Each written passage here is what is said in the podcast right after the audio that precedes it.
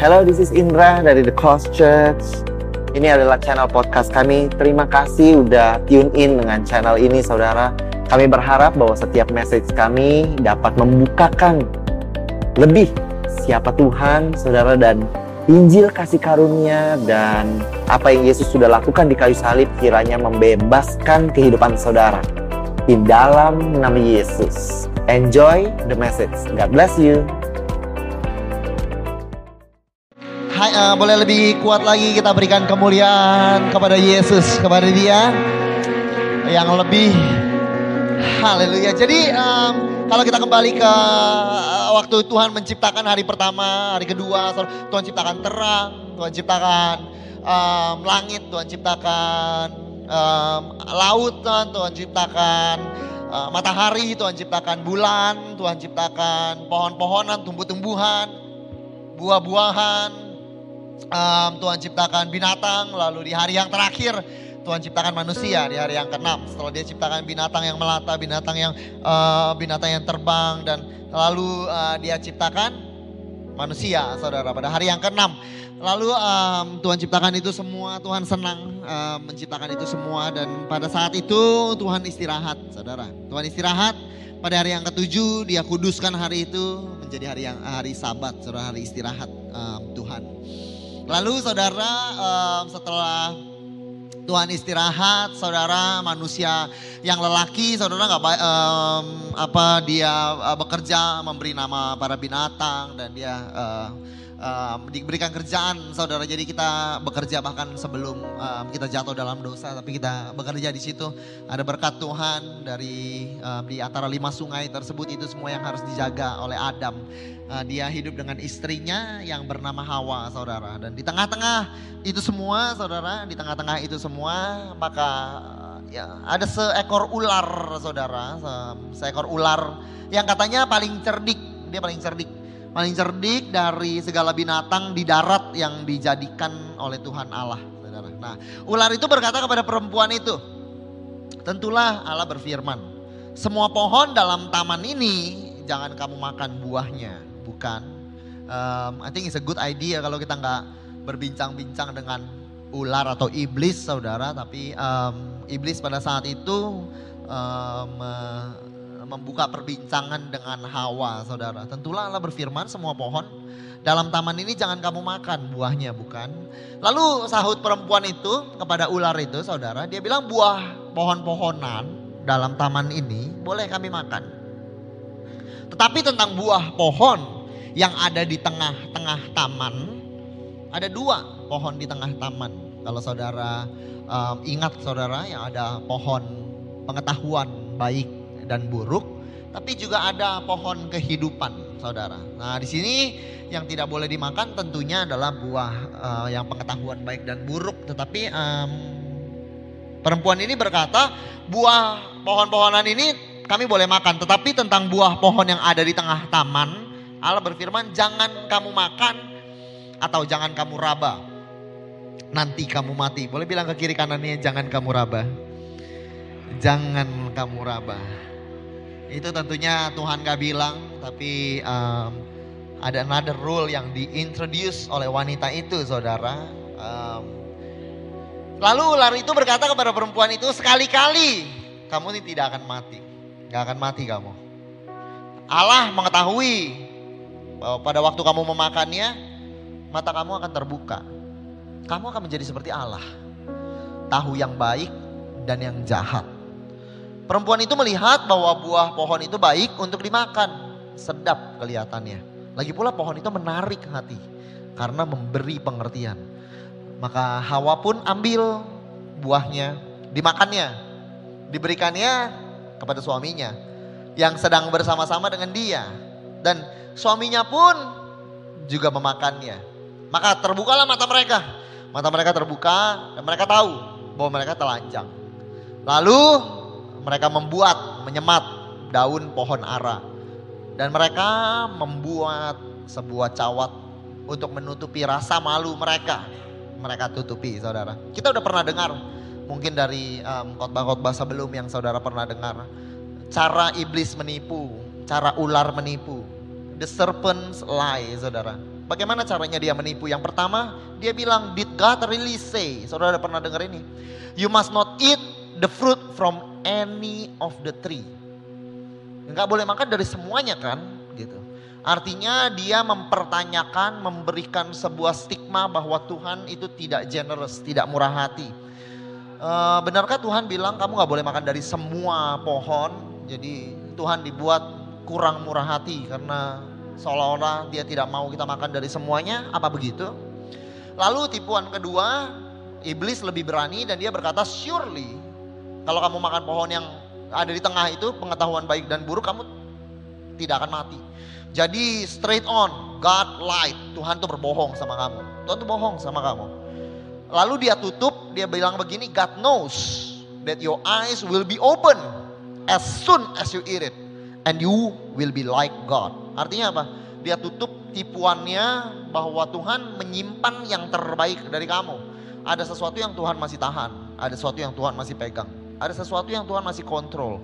Yang itu Tuhan gak mau kasih ke kamu. Karena ada yang lebih baik yang Tuhan masih mau pegang dan dia nggak kasih. Yang kamu perlu itu Tuhan gak mau kasih. Jadi saudara lihat sebelum dan sesudah dia berkata bahwa Tuhan itu penipu, dia tidak memulai tipuannya dengan berkata bencilah Tuhan. Dia tidak berkata kepada tipuannya bahwa Tuhan itu penipu, tapi dia membuka dan menutup tipuannya dengan berkata, apakah benar Tuhan itu murah hati? Apa benar Tuhan mau yang terbaik buat kamu? Apa benar kamu mau diberkati sama Tuhan? Apa benar dia mau kasih yang baik? Apa benarkah waktu yang paling baik itu ada dari Tuhan? Benar gak itu dari Tuhan? Kerjaan yang indah di masa depan itu tapi nanti tunggu waktunya, benarkah? Pasangan hidup saudara belum memiliki tapi yang terbaik Tuhan lebih mengerti. Benarkah? Dia mempertanyakan kebaikan dan kemurahan Tuhan. Sedangkan Tuhan berkata hanya kebaikan dan kemurahan belaka yang mengikuti kamu seumur hidupmu. Tapi Tuhan dia tapi iblis pertanyakan kepada Hawa, benarkah Tuhan murah hati? Benarkah Tuhan mau berikan yang terbaik? Di tengah-tengah itu dia bilang, Tuhan itu penipu. Tapi saya baru sadar bahwa masalahnya itu bukan apa yang iblis katakan kepada dia. Masalahnya saya baru sadar saudara bahwa bukan saudara apa yang iblis announce atau deklarasikan atau suara ular itu perkatakan kepada dia. Tapi saya baru menyadari saudara ada jawaban daripada Hawa yang berkata demikian. Lalu sahut perempuan itu kepada ular itu. Dia kata buah pohon-pohonan dalam taman ini boleh kamu makan. Masalahnya ada di situ saudara. Di mana pastor? Coba kalau kita lihat saudara, waktu Tuhan ciptakan semua pohon, dia lalu Tuhan Allah memberi perintah kepada manusia. Ini waktu Tuhan ciptakan pohon, saudara, di semuanya waktu dia bicara dengan manusia, dia berkata semua pohon dalam taman ini boleh kamu makan buahnya dengan bebas. Bedanya di mana? Perempuan itu juga bilang bahwa boleh makan, saudara lihat, perhatikan bedanya saudara sahut perempuan itu kepada ular itu buah pohon-pohonan dalam taman ini boleh kamu makan. Oke, tapi Tuhan Allah memberi perintah ini kepada manusia. Semua pohon dalam taman ini boleh kamu makan dengan bebas. Jadi saya baru lihat bahwa saudara masalah daripada Hawa jatuh saudara. Bukan karena iblis mengecilkan kemurahan Tuhan. Tapi karena Hawa di dalam jawabannya kepada iblis. Dia melepaskan, menghilangkan kata semua dan kata bebas dua kata yang menunjukkan kemurahan hati. Jadi dia bilang pohon ini semua kami boleh kami boleh makan. Dia nggak bilang bahwa dalam bahasa Inggrisnya any trees freely, saudara. Tapi dua kata ini dia kecilkan. Jadi kejatuhan Hawa, saudara, itu dimulai ketika di dalam pikirannya, bahkan di dalam perkataannya, dia mulai mengecilkan kebaikan dan kemurahan Tuhan. Di situlah perbincangannya semakin seru dengan iblis. Karena di dalam jawabannya saudara. Dia lepaskan isi hati Tuhan yang murah hati kepada dia. Boleh kita beri kemuliaan kepada Tuhan. Ternyata waktunya kurang cocok, tapi nggak apa-apa. Saya juga lupa. Tapi ah, kalau saya bisa punya satu, kalau saya bisa dapat satu buah itu, itu buat saya saya baru cukup. Kalau saya bisa dapat buah yang yang ini saya baru saya baru baik, saya baru utuh. Saya bisa lebih baik kalau saya bisa dapat buah yang ini. Tapi saudara lihat ya, waktu yang perempuan ini setelah di berbicara, berbincang dengan iblis, lalu dia bilang begini, lalu perempuan ini melihat bahwa eh buah pohon itu baik. Dia bilang buah yang pohon yang itu, itu baik. Pengetahuan baik dan jahat itu baik buahnya. Untuk dimakan, sedap kelihatannya di mata. Lalu pohon itu menarik hati karena memberi pengertian, ah kalau saya punya yang satu itu, saya puas. Kalau saya punya yang satu itu, saya utuh. Kalau saya punya yang satu itu, itu baik. Kalau saya punya yang itu, yang mana yang Tuhan belum kasih, itu yang saya perlu. Yang Tuhan tahan, itu yang saya perlu. Yang mana sih yang kamu mau, itu yang saya nggak boleh makan, itu yang saya perlu. Kalau saya bisa punya itu, saya benar, saya baik, baru benar di situ kalau saya baru puas, saya baru utuh, saya baru bisa tenang kalau yang saya mau tapi yang Tuhan belum kasih itu diberikan. Padahal saudara lihat dia bilang buah itu baik, katanya buah itu menarik sekali untuk dimakan. Tapi saudara lihat waktu Tuhan ciptakan semua pohon, ini yang Tuhan katakan. Tuhan Allah menumbuhkan berbagai pohon dari bumi yang menarik dan yang baik untuk dimakan buahnya. Tapi saya nggak mau pohon yang lain. Mereka juga baik, kata Tuhan. Nggak mau saya yang lain, tapi itu juga menarik, kata Tuhan. Nggak mau saya nggak mau yang itu. Ada satu pohon yang saya mau. Itu yang baik buat saya. Itu yang menarik buat saya. Loh tapi semua pohon yang lain itu juga baik Hawa. Semua pohon yang lain itu juga menarik. Enggak, saya yang saya belum punya. Itu yang saya mau. Itu saya baru bisa puas hidup. Saya diberkati kalau saya punya semua ini, tapi kamu udah punya banyak. Enggak, enggak, enggak. Kalau yang itu yang saya doakan, yang saya inginkan, yang saya minta, yang Tuhan tahan, yang Tuhan belum kasih. Itu yang saya perlu. Kalau saya belum dapat itu, saya belum cukup, saya perlu satu lagi. Tapi semua pohon ini baik. Enggak. Yang saya nggak bisa sentuh, itu baik. Yang saya belum dapat, itu menarik. Iblis bilang Hawa, Hawa bilang begitu. Tapi sekarang pertanyaannya kan gini loh. Hawa kamu mau apa? Kenapa kamu mau pohon itu? Coba kamu kamu kena, Hawa kamu ini mau apa sih? Kenapa? Kenapa kamu mau pohon yang itu kenapa baik sih? Kenapa pohon itu menarik? Karena iblis bilang gini. God knows. Iblis bilang gini, the day you eat from it. Kalau saya makan pohon itu, buahnya sorry jangan pohonnya saudara kurang baik kalau itu terlalu jelas tipuannya. The day you eat from it, your eyes will be open. You will be like God. Kamu akan jadi serupa dengan Allah. Saya mau pohon yang itu. Karena saya mau upgrade, saya mau jadi lebih baik. Karena saya mau yang itu, kenapa? Karena saya kalau punya yang itu, saya bisa serupa dengan Allah. Hawa kamu kenapa mau pohon yang itu? Saya mau jadi serupa dengan Allah. Tapi waktu Tuhan ciptakan Adam dan Tuhan ciptakan Hawa, Tuhan bilang seperti ini saudara. Then God said, let us make man in our image according to our likeness. Serupa dengan kita. Hawa yang kamu mau, saya udah kasih. Hawa yang kamu perlu, saya udah kasih. Yang baik yang kamu inginkan, itu juga ada di hati saya. Enggak saya simpan apa yang kamu inginkan. Saya udah kasih kepada kamu. Tapi iblis bilang, boleh kita beri kemuliaan kepada Tuhan. Tapi iblis bilang, ada yang lebih. Maka ular itu bilang ada yang lebih ada jenis keserupaan dengan Allah yang kamu belum punya. Benar gak? Benar. Iblis benar dalam kata dalam berkata hal itu. Ada keserupaan dengan Allah yang Tuhan simpan dari kamu. Benar? Apa itu? Pengetahuan baik dan buruk. Benar gak iblis? Benar karena waktu manusia makan, Hawa pun makan, saudara apa yang terjadi?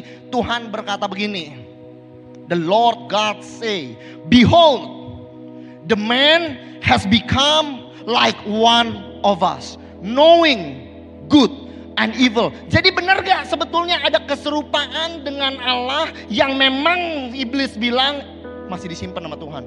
Kamu kalau nggak ada yang itu masih ada yang disimpan sama Tuhan. Kamu jangan puas dulu, kamu jangan puas. Kamu diberkati, benar. Kamu semua yang kamu punya ini tambah pasangan hidup. Baru kamu bisa bilang kamu diberkati. Benar gak? Benar. Kalau kamu tahu, kalau kamu makan buah ini, kamu baru benar-benar serupa dengan Allah. Maka Hawa makan buah itu. Kenapa Hawa makan buah itu? Karena Hawa lebih baik mengejar keserupaan dengan Allah yang iblis tawarkan. Daripada berpegang pada keserupaan dengan Allah yang Tuhan sudah berikan. Saya ulangi sekali lagi karena Hawa lebih baik mengejar keserupaan dengan Allah dengan definisi iblis daripada dia mengejar dia berpegang kepada keserupaan Allah yang Tuhan bilang ini milik kamu. Tapi saya mau yang itu kenapa? Karena iblis tahu lebih baik. Karena di hati iblis itu rencana rancangan yang paling indah buat Hawa. Iblis bilang kamu mau serupa dengan kamu nggak mau makan itu. Kamu nanti jadi kayak Allah loh. Hati dia paling baik buat Hawa. Iblis lebih ngerti dari Tuhan. Maka Hawa ambil. Pada saat Hawa ambil itu, Hawa setuju. Iblis mau, yang iblis bilang, yang iblis tawarkan, yang iblis bilang terbaik, itu benar. Dia ambil, dia makan. Maka dia makan buah itu, apa yang terjadi dia berikan suaminya Suaminya makan, lalu mata mereka benar, mata mereka terbuka. Mata mereka terbuka, tapi hal pertama yang terjadi dalam kehidupan mereka, mereka malu. Mereka malu, kematian mati, eh, kematian masuk, kutuk masuk, mereka keluar dari Taman Eden, saudara. Mereka keluar dari Taman Eden, saudara. Lalu ah, ibunya, saudara Hawa melihat sesuatu yang dia nggak nyangka akan pernah dia lihat. Kain bunuh Habel, saudara. Ibunya tanya ada di mana adikmu? Hei, dia bilang saya nggak tahu ada di mana. Hawa tahu saudara. Hawa lihat ada kain bunuh Habel saudara. Maka apa yang dia lalu saudara kain bunuh Habel kita move on. Kita move on, kita beranak lagi, beranak cucu lagi sementara mereka beranak cucu, bermultiplikasi, bermultiplikasi jugalah kejahatan hati manusia, saudara. Sampai satu hari Tuhan bilang cukup. Ini semua seluruh muka bumi ini jahat adanya. Hanya jahat yang ada di dalam hati manusia. Maka Tuhan kirimkan saudara banjir. Maka Tuhan kirimkan air saudara selama 40 hari, 40 malam. Maka tenggelam seluruh muka bumi. Tapi dia temukan satu orang namanya Nuh saudara. Nuh ditarik dan Nuh dipanggil. Selesai saudara air bah tersebut. Maka ada pelangi dan Tuhan bilang, Nuh kamu hidup di dalam dunia yang baru. Mulai lagi dunia yang baru dengan kejahatan yang bertambah. Dimulai dunia yang baru dengan yang jahat. Tapi tunggu dulu, tunggu. Kenapa ini semua terjadi? Kenapa sampai semua dalam hati manusia itu jahat adanya?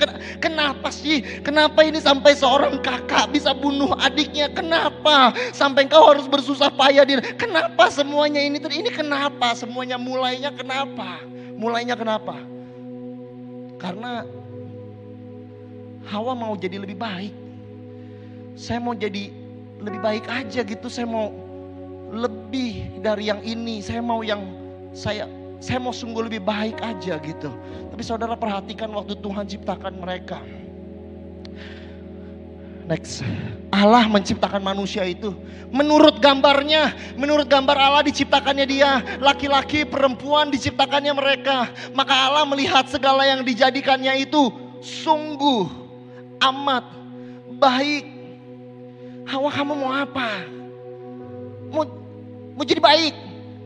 Kamu udah sungguh amat baik. Kamu mau apa lagi? Mau, mau lebih baik?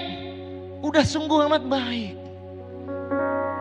Apa yang Hawa inginkan dari pertama Tuhan udah berikan. Tapi berbeda dari definisi yang suara-suara kasih tahu dia. Maka Hawa makan buah itu kenapa? Karena Hawa lebih baik mengejar keserupaan dengan Allah yang iblis tawarkan daripada dia pegang keserupaan dengan Allah yang Tuhan sudah berikan nama dia. Mau tahu nggak kenapa? Karena iblis tahu lebih baik. Iblis lebih ngerti hatinya yang terbaik untukmu.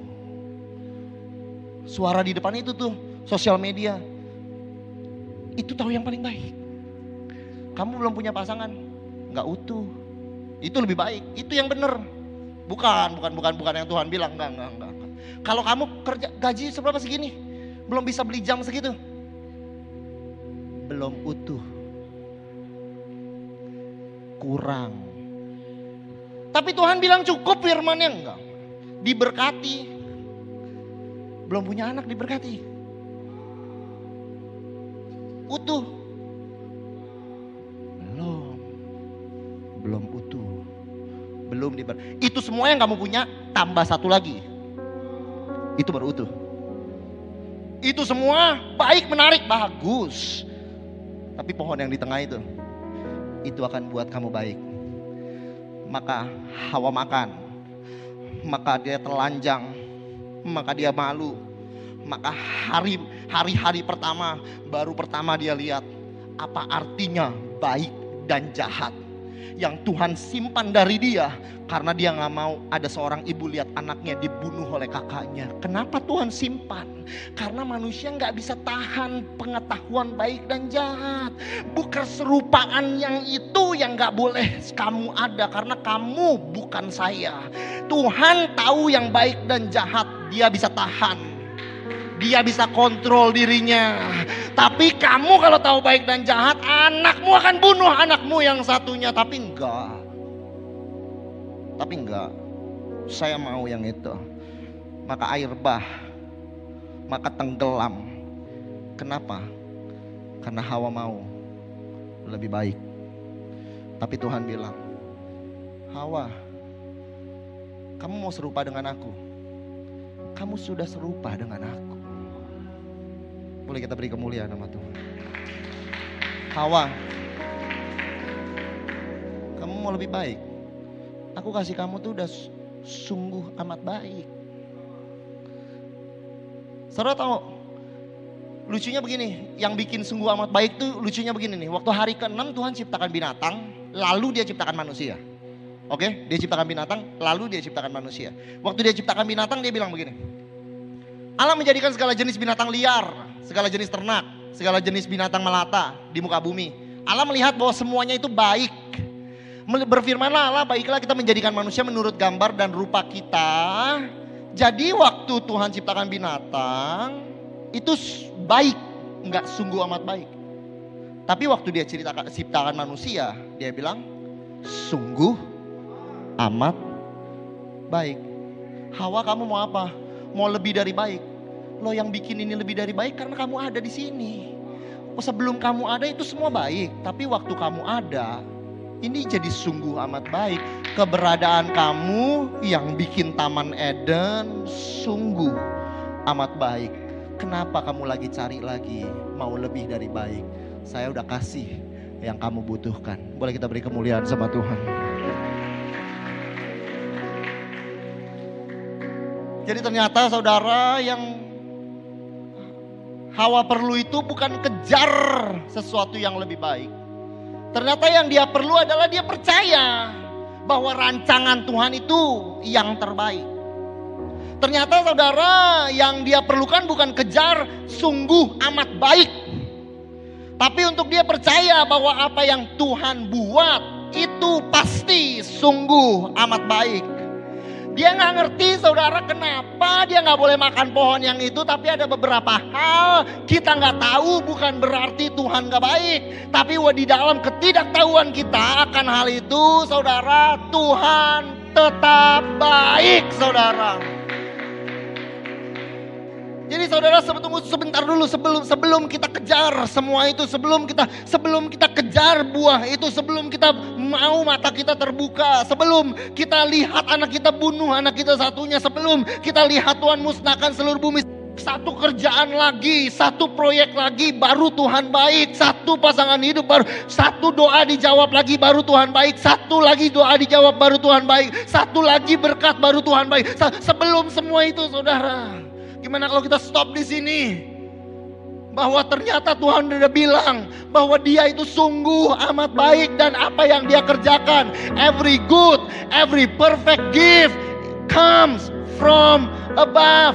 Tuhan itu baik saudara. Walaupun pohon yang itu kita belum makan Tuhan sudah sangat baik. Boleh kita beri kemuliaan sama Tuhan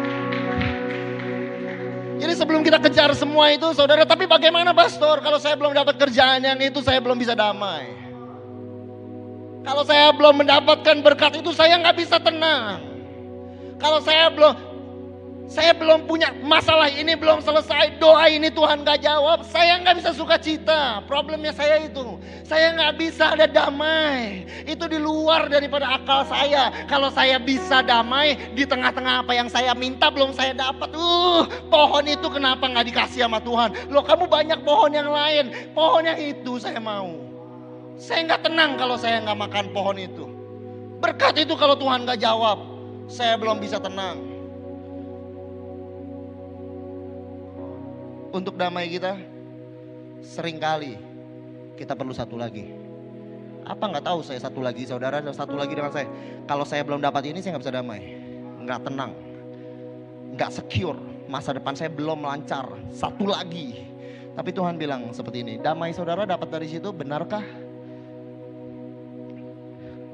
Janganlah hendaknya kamu khawatir dengan apa pun juga Nyatakanlah dalam segala hal keinginanmu kepada Tuhan dalam doa dan permohonan dengan ucapan syukur damai sejahtera Allah yang melampaui segala akal akan memelihara hatimu dan pikiranmu di dalam Kristus Yesus. Oh artinya saya nggak perlu nggak usah next dulu. Saya artinya saya nggak perlu semua udah punya, yang penting saya memohon sama Tuhan. Begitu ya, Pastor. Artinya, apa yang saya belum punya, saya mohon sama Tuhan. Di situ lahir kedamaian. Enggak, Saudara. Betul.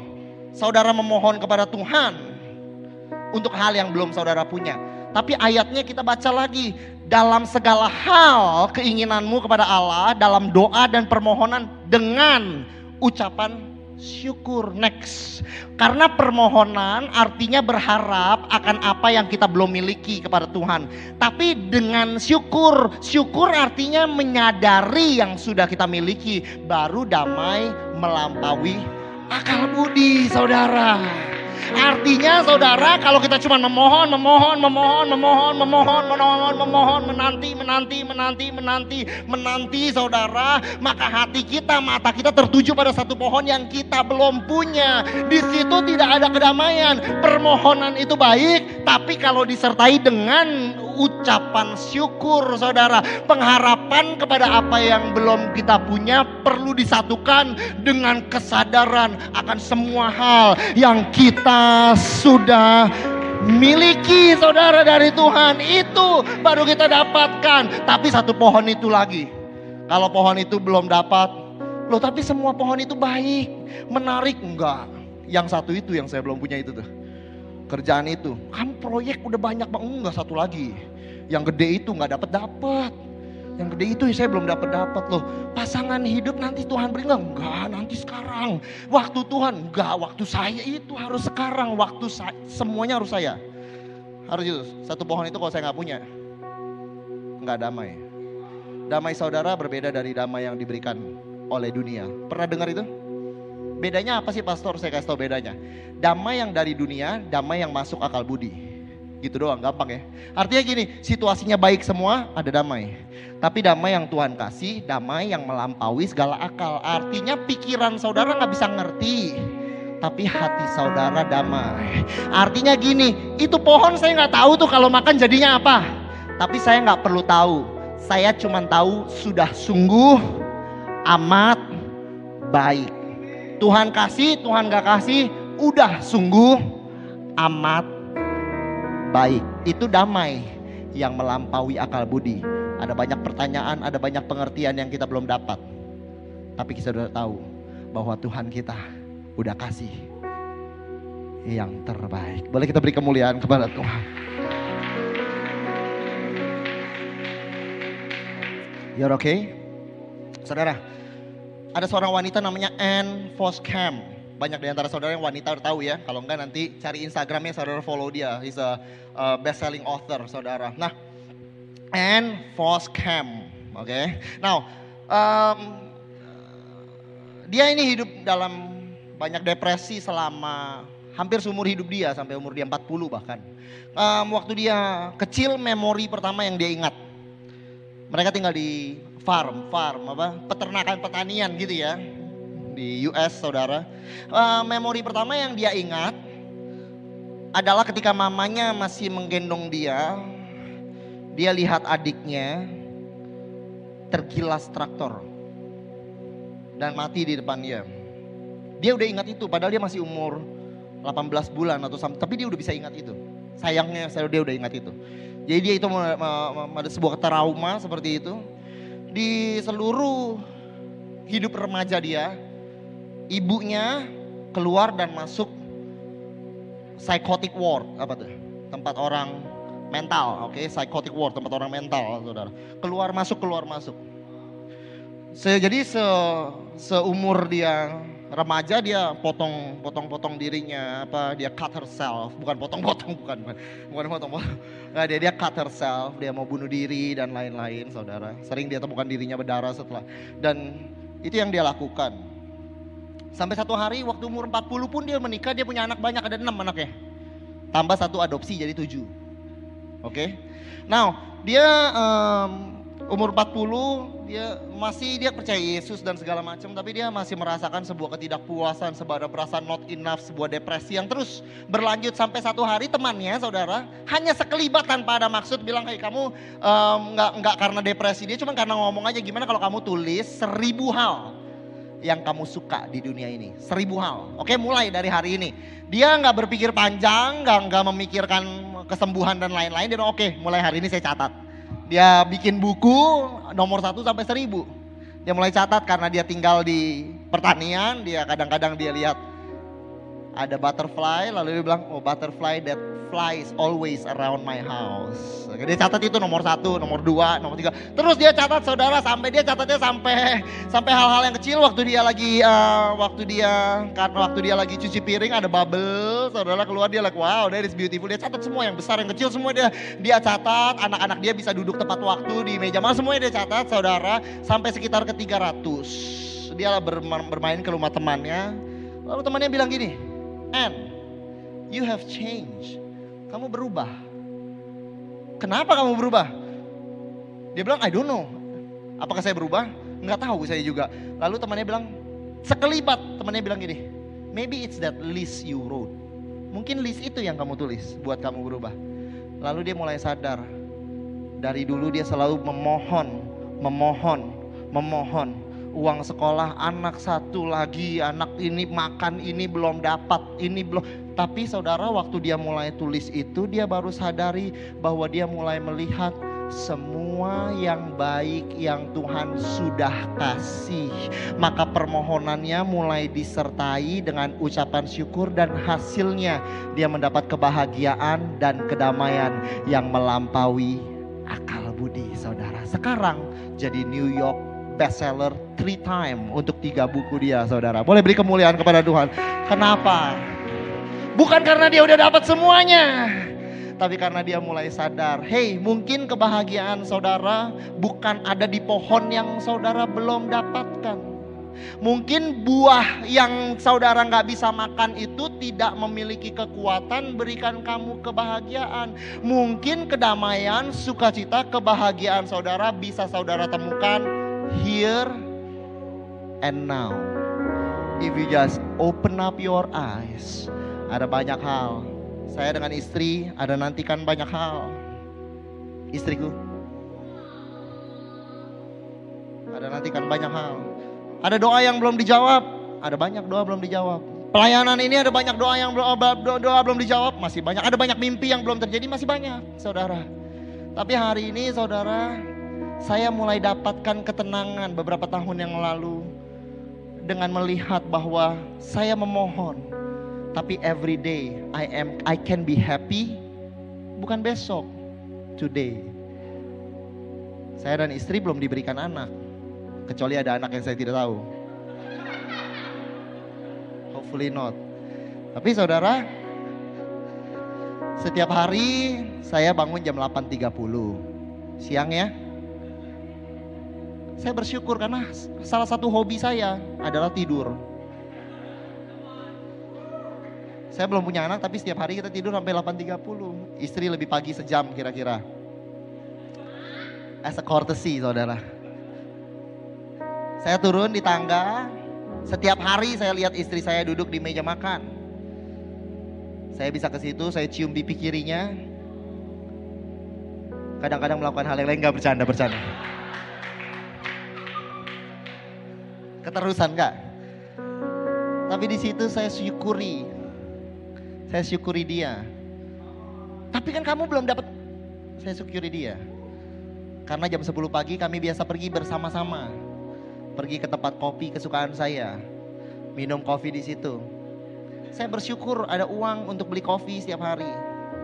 Saudara, kalau saya lagi, kalau udah akhir bulan, saya ngopi, istri saya nggak pesan Benar ini.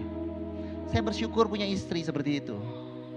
Pesan kopi satu, kalau lagi udah akhir bulan banget, maksudnya tanggal 31 setengah gitu. Biasanya kalau habis beliin orang ignite 10 tiket gitu kira-kira gitu. Kalau ya kan? Dan kalian masih tunggu lima orang biar dapat diskon. Yang uangnya saya tahu di bank sampai sering diteleponin BCA, bilang udah kebanyakan uangnya tolong dipindahkan. Masih nunggu beda 25 ribu baru dibeli tiketnya. Abis ini kalau nggak langsung pada beli, Yesus ampuni jiwamu. Kita gereja kasih karunia saudara. Tapi hukum Taurat akan saya perkenalkan hari ini.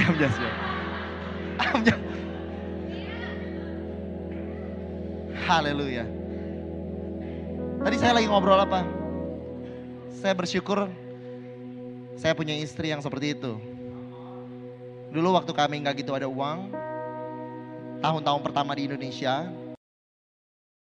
Oh, tapi kan belum bisa punya ini, tapi kan belum punya itu, pastor. Tapi kan belum ini, tapi doa ini, tapi itu, tapi pohon itu juga baik, menarik untuk dimakan. Tapi Tuhan bilang semua pohon yang lain kamu boleh makan kok. Yang itu saya nggak kasih kamu nggak perlu tahu kenapa. Tapi yang saya tahan itu yang terbaik buat kamu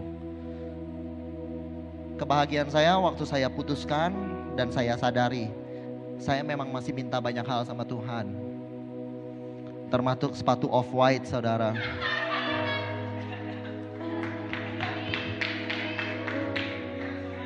Lapan, lapan deh. Dan kalau saya belum punya sepatu itu saya nggak puas. Kayak gitu kita hidup kan. Haleluya Tuhan. Kesal ke kebahagiaan saya adalah saya masih minta banyak hal. Tapi semua yang ada setiap hari saya nikmati. Karena Tuhan itu kamu mau apa Hawa? Mau sungguh amat baik. Ini udah sungguh amat baik. Sekarang kamu bisa sadari Tuhan itu baik saudara. Boleh kita beri kemuliaan sama Tuhan.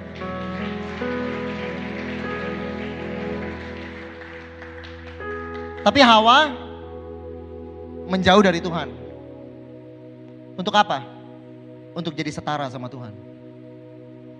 Yesus tinggalkan kesetaraannya dengan Tuhan. Untuk apa? Untuk dekat sama kamu. Pada waktu malam dia diserahkan.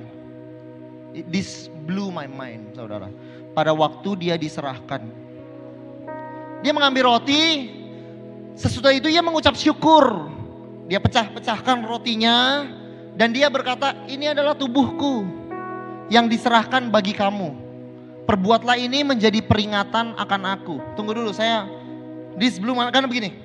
Kalau saya menerima roti dan saya bersyukur karena ini adalah tubuh Yesus, saya mengerti Tapi Yesus yang memecahkan roti dan bilang ini adalah tubuhku yang dipecahkan sembari mengucap syukur. Itu saya nggak bisa mengerti. Karena kamu mau dipecahkan, kamu mengucap syukur. Kalau saya yang menerima, saya mengucap syukur. Tapi Tuhan bilang dia mengucap syukur. Karena ini adalah tubuhnya yang dipecah-pecahkan. Artinya apa? Tuhan senang meninggalkan kesetaraan sama Tuhan untuk dia bisa dekat sama kamu. Kita nggak bersyukur apa yang Tuhan udah ada semua saya kurang. Tapi Yesus bilang saya mau tinggalin semuanya karena kalau saya punya kamu, saya cukup. Kita mau one more, one more, one more. Yesus bilang you are my one more. And he emptied himself. Karena dia bilang, if I can get you, I am thankful. Saya bersyukur. Boleh kita beri kemuliaan kepada Yesus. Saya panggil Ernest, saya panggil Nia, saya panggil istri saya boleh maju ke depan. Istri saya akan selesaikan khotbah hari ini.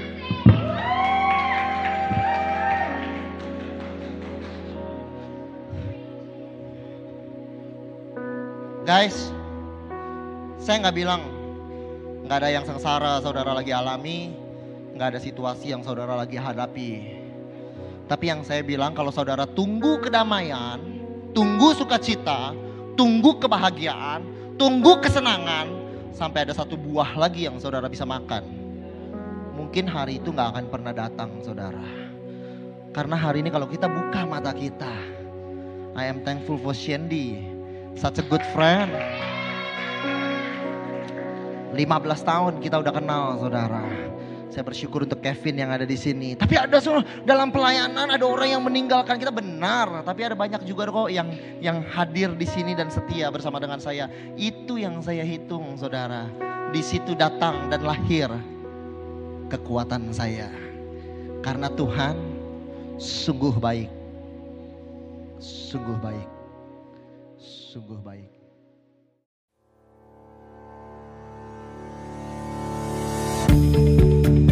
Terima kasih lagi sudah mendengarkan episode ini saudara dari podcast ini. Thank you so much saudara. Saya berharap bahwa Injil kasih karunia dan apa yang Yesus sudah lakukan bisa membebaskan kehidupanmu saudara. Kalau saudara diberkati, saya mengundang saudara untuk share saudara um, sermon ini baik secara pribadi pada your friends and your family saudara atau you can screenshot dan kau bisa bagikan kepada sosial media saudara dan jadilah terang saudara. I hope um, message ini melalui saudara bisa memberkati lebih banyak orang lagi. Dan kalau saudara diberkati, saya mengundang saudara untuk subscribe kepada channel podcast ini. Again, I want to thank you. Berterima kasih kalau saudara mendengarkan dan mengizinkan dirimu diberkati dari apa yang kami lakukan. Terima kasih, Tuhan berkati. God bless you and bless you and bless you again. In Jesus' name. Amen.